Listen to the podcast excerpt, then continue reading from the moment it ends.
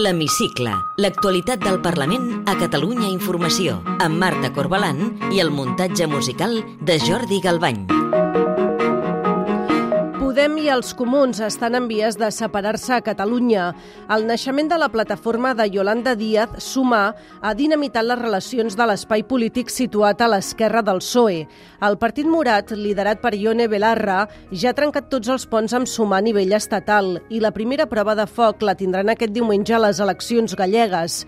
Podem i la coalició de Yolanda Díaz es presenten per primer cop per separat en uns comicis que serviran de termòmetre per mesurar les seves forces. Avui analitzarem si a casa nostra pot passar el mateix i entrevistarem la líder de Podem a Catalunya, Conchi Avellan. Benvinguts a l'Hemicicle.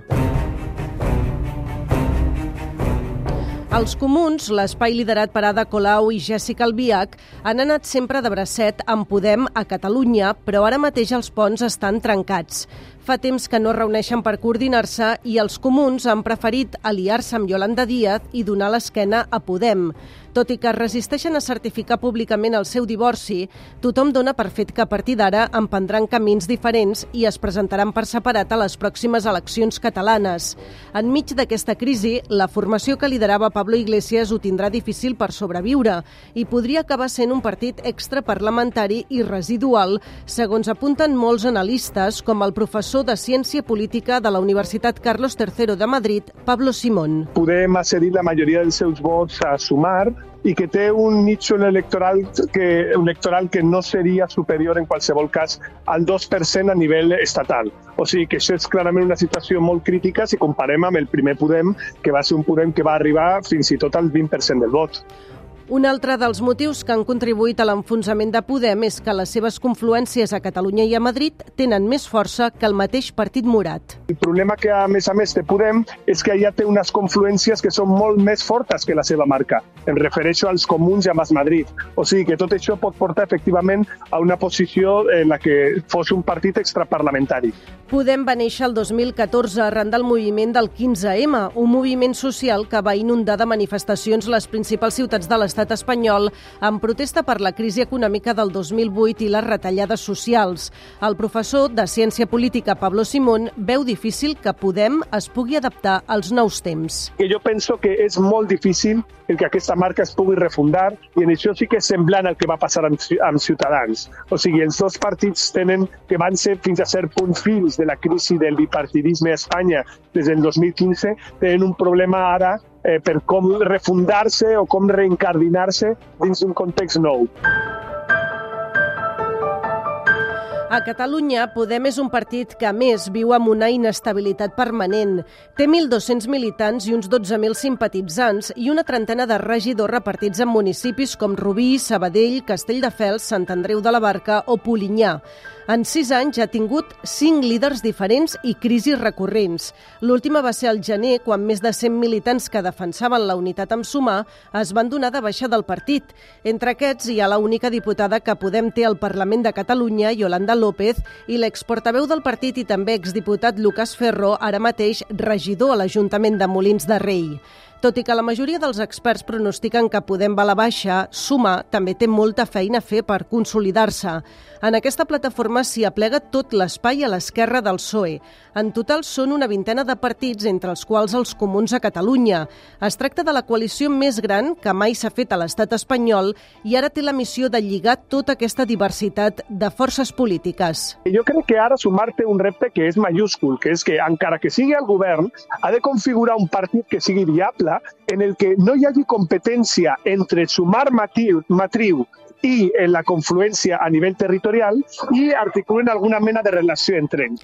Enmig de la ruptura entre Podem i Sumar, els comuns també debatran el seu futur a Catalunya per assentar les bases del seu projecte polític per als pròxims 10 anys. Engegaran una sèrie de debats que acabaran amb una convenció ideològica el 13 d'abril a Barcelona. Té la paraula Soy Concha Bellán, eh, coordinadora autonómica de Podem Cataluña y actualmente estoy en el secretariado estatal de Podemos llevando políticas municipalistas. Benvinguda al programa a l'Hemicicle. Fa pocs dies vostè va revalidar el càrrec de líder de Podem a Catalunya després de tres anys al capdavant del partit. En les últimes conteses electorals Podem s'ha presentat en coalició amb els comuns a Catalunya, però ara travessen una crisi que s'ha aprofundit amb la ruptura de Sumar i Podem a nivell estatal. Estan trencades les relacions amb els comuns? No están ni rotas ni, ni no rotas. Actualmente no existen. Eh, tenemos diferentes formas de entender la política y vamos a, trabajar un poco pues, para ver cómo vamos a ir a partir de ahora y cómo vamos a coordinar esos espacios porque a nivel municipal seguimos teniendo grupos municipales conjuntos, pero es evidente que tenemos formas diferentes de entender eh, cómo tiene que hacerse la política en Cataluña y cómo tiene que hacerse la política a nivel estatal.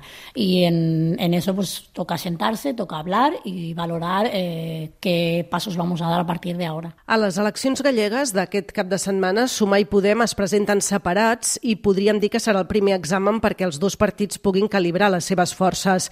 A les eleccions europees del juny també es presenten per separat. Això vol dir que Podem i els comuns també aniran per separat a les pròximes eleccions catalanes? Pot ser el preludi del que vindrà?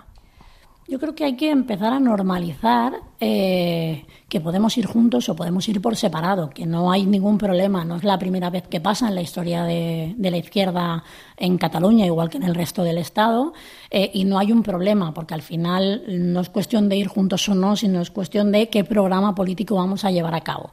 Eh, y cómo lo vamos a querer llevar a cabo, si estamos dispuestos a ser más eh, callados o estamos dispuestos a hacer más ruido, ¿no? Entonces, o vamos a ir con firmeza para apostar con, propuestas concretas políticas. Entonces ahí es donde vamos a tener que determinar si vamos a ir juntos o no y además eh, si no, se nos va a reconocer como fuerza política catalana que somos, que estamos y que además eh, estamos trabajando bastante no solo a nivel interno, a nivel de construcción de espacio político, sino también con un montón de colectivos sociales que necesitan realmente eh, esa voz en el Parlamento, igual que en el Congreso, que ahora mismo en el Congreso sí que la tenemos, pero hasta ahora pues no, no ha habido como un entente y tenemos bastante colectivos que notan esa falta de representación institucional en el Parlamento y en otros espacios. Y por lo tanto, pues vamos a trabajar para que eso, para que eso pase juntas o separadas, pero vamos a trabajar para que Pudem tenga realmente ese espacio que representa de verdad a la gente trabajadora de Cataluña.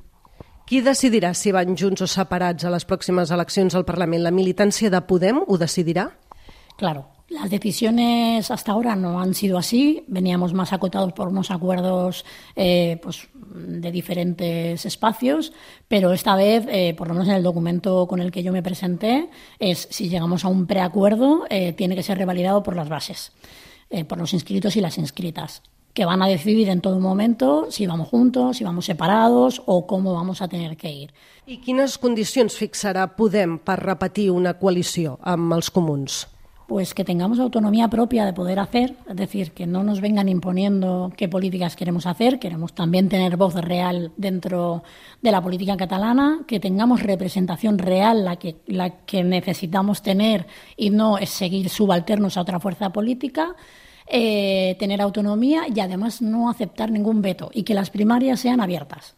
O sea, tener, tener primarias pero abiertas, no sean encorsetadas entre diferentes espacios, sino unas primarias abiertas donde todo el mundo pueda votar y, y, y decidir realmente quién le representa. Si tornessin a reeditar la coalició a les pròximes eleccions al Parlament, podem veuria bé que Jessica Albiach repetís de cap de cartell? Pues yo creo que necesitamos cambios, eh, porque es evidente que Cataluña necesita un espacio político fuerte. En Cataluña realmente de izquierdas, que, no existe ahora mismo, ¿no? Nos está, o el, que existe, pues está flojo. Seguir teniendo ocho diputados no nos tiene, no, no tiene que ser un espacio que nos, que nos conforme. O sea, tenemos que ir a más. Y cuando estás estancado en los ocho diputados y no creces, implica que hay que hacer cambios. Eh, ¿Significa que eso tiene que ser con un cambio de liderazgos? No, significa que hay que hacer cambios reales. eh, no estamos incidiendo en la política catalana. En sis anys, Podem, aquí a Catalunya, ha tingut cinc líders diferents i algunes crisis. La última, la dimissió en bloc fa uns parell de mesos de 122 militants que defensaven la unitat amb sumar de Yolanda Díaz. A què es deu aquesta inestabilitat? Bueno, primero es normal. Al final nacimos hace 10 años, hay partidos que llevan toda la vida y por lo tanto han pasado ya por estas crisis. Nosotras las estamos pasando en estos 10 años porque nos estamos estableciendo, ¿no? Y entonces, a medida que va pasando el tiempo, también vas viendo pues eh, quién realmente apuesta por el espacio y quién pues ha estado jugando a diferentes bandas o realmente quién ha decidido cansarse y marcharse, porque también eso pasa, ¿no? Eh, y esos son ciclos. Hay gente que se ha marchado, pero hay gente que en este último, este último trimestre ha, ha, venido, ha vuelto a venir porque ha visto, mira, Pudem eh, tiene que marcar agenda propia y por lo tanto es el momento de volver porque realmente yo creo en Pudem y no, y no en otros espacios políticos. ¿no? Eh, a mí que se hayan marchado personas que ya hace tiempo, de facto, que no estaban militando en Pudem o no estaban ejerciendo en Pudem, yo no lo veo un problema. Creo que ha sido, eh, pues, la realitat de lo que ja sabíamos la gent de Podem. D'aquests 122 militants que es van donar de baixa de Podem, hi ha una diputada al Parlament de Catalunya, Yolanda López, i també alguns regidors en alguns dels ajuntaments més destacats de Catalunya. Vostès demanaran eh, que, que deixin l'acte de diputada i de regidors? Bueno, es una valoración que tenemos que hacer en el Consejo de Coordinación, tenemos que hacer esa valoración, pero sí, creo que es evidente que hay que pedir el acta a quien, a quien ha llegado al cargo por parte de Pudem, pasando unas primarias de Pudem, y que ahora que ya no está en Pudem, pues evidentemente pues tienen que, tienen que dejar ese acta para que le represente gente de Pudem. Es decir, el acta como si el acta como tal no, aunque sea personal, no se la han dado porque es esa persona, se la han dado porque iba con una formación política representando a Pudem. Entonces, si no representas a Pudem ya, lo ético lo ético és dejar el acte i que passe a altra persona de Podem. Ja sabem que l'acte de diputada és, eh, és personal. En cas que la diputada, mm, exdiputada, diguéssim, de Podem, no deixés l'acte, eh, des del partit, què, què faran? Bueno, buscaremos las vías legales para que eh, pues esta gente pues no represente a Podem como tal y que el Parlamento tenga la representación de, de Podem que merece aunque quede poco tiempo, el poco tiempo también implica que la gente de Pudem se vea representada y el votante que también ha votado en Comú Pudem, pero que es votante de Pudem, se sienta representado por este Parlament que actualment europeu. Si li sembla bé, ens endinsem ara ja en el terreny més personal i li demano si pot contestar amb respostes ara al màxim de breu possible. Té algun líder polític de referent?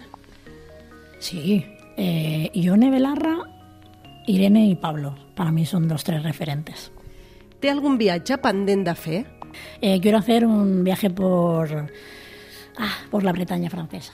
Recorda que volia ser de petita? Quería ser eh, actriz y bailarina y cantante. Si hagués de posar una música a la Catalunya d'aquests temps, quina posaria? Yo hay una que me refleja mucho cada vez que la escucho a mi barrio, ¿no? de Buen Pastor, que es un barrio obrero, y Barrionalistas, de los chicos del maíz, me marca mucho porque cada vez que la escucho recuerdo pues esos barrios obreros, esa gente que, pues, que viene muy marcada por, por las élites, ¿no? que están muy, muy arrinconadas en en, sus barrios y que además son barrios de gente inmigrante con muchísima diversidad, con muchísima pluralidad, pero que además no están reconocidos por la gente que los gobierna. ¿no? Y, y para mí, pues esa Cataluña es la Cataluña diversa, plural, integradora, que defiende los barrios y esa canción siempre me recuerda a eso. I ja per acabar, completi la frase següent. El que més m'agradaria del món és... Que haya un entente entre todas las personas y que entendamos que el mundo solo hay uno y que necesitamos protegerlo. Conchi Avellan, coordinadora de Podem a Catalunya, gràcies per atendre'ns al programa l'Hemicicle de Catalunya Informació. Muchas gracias a vosotras. Podeu tornar a escoltar l'Hemicicle al web catradio.cat barra hemicicle o al podcast del programa i seguir l'actualitat del Parlament al perfil de Twitter arroba L-hemicicle.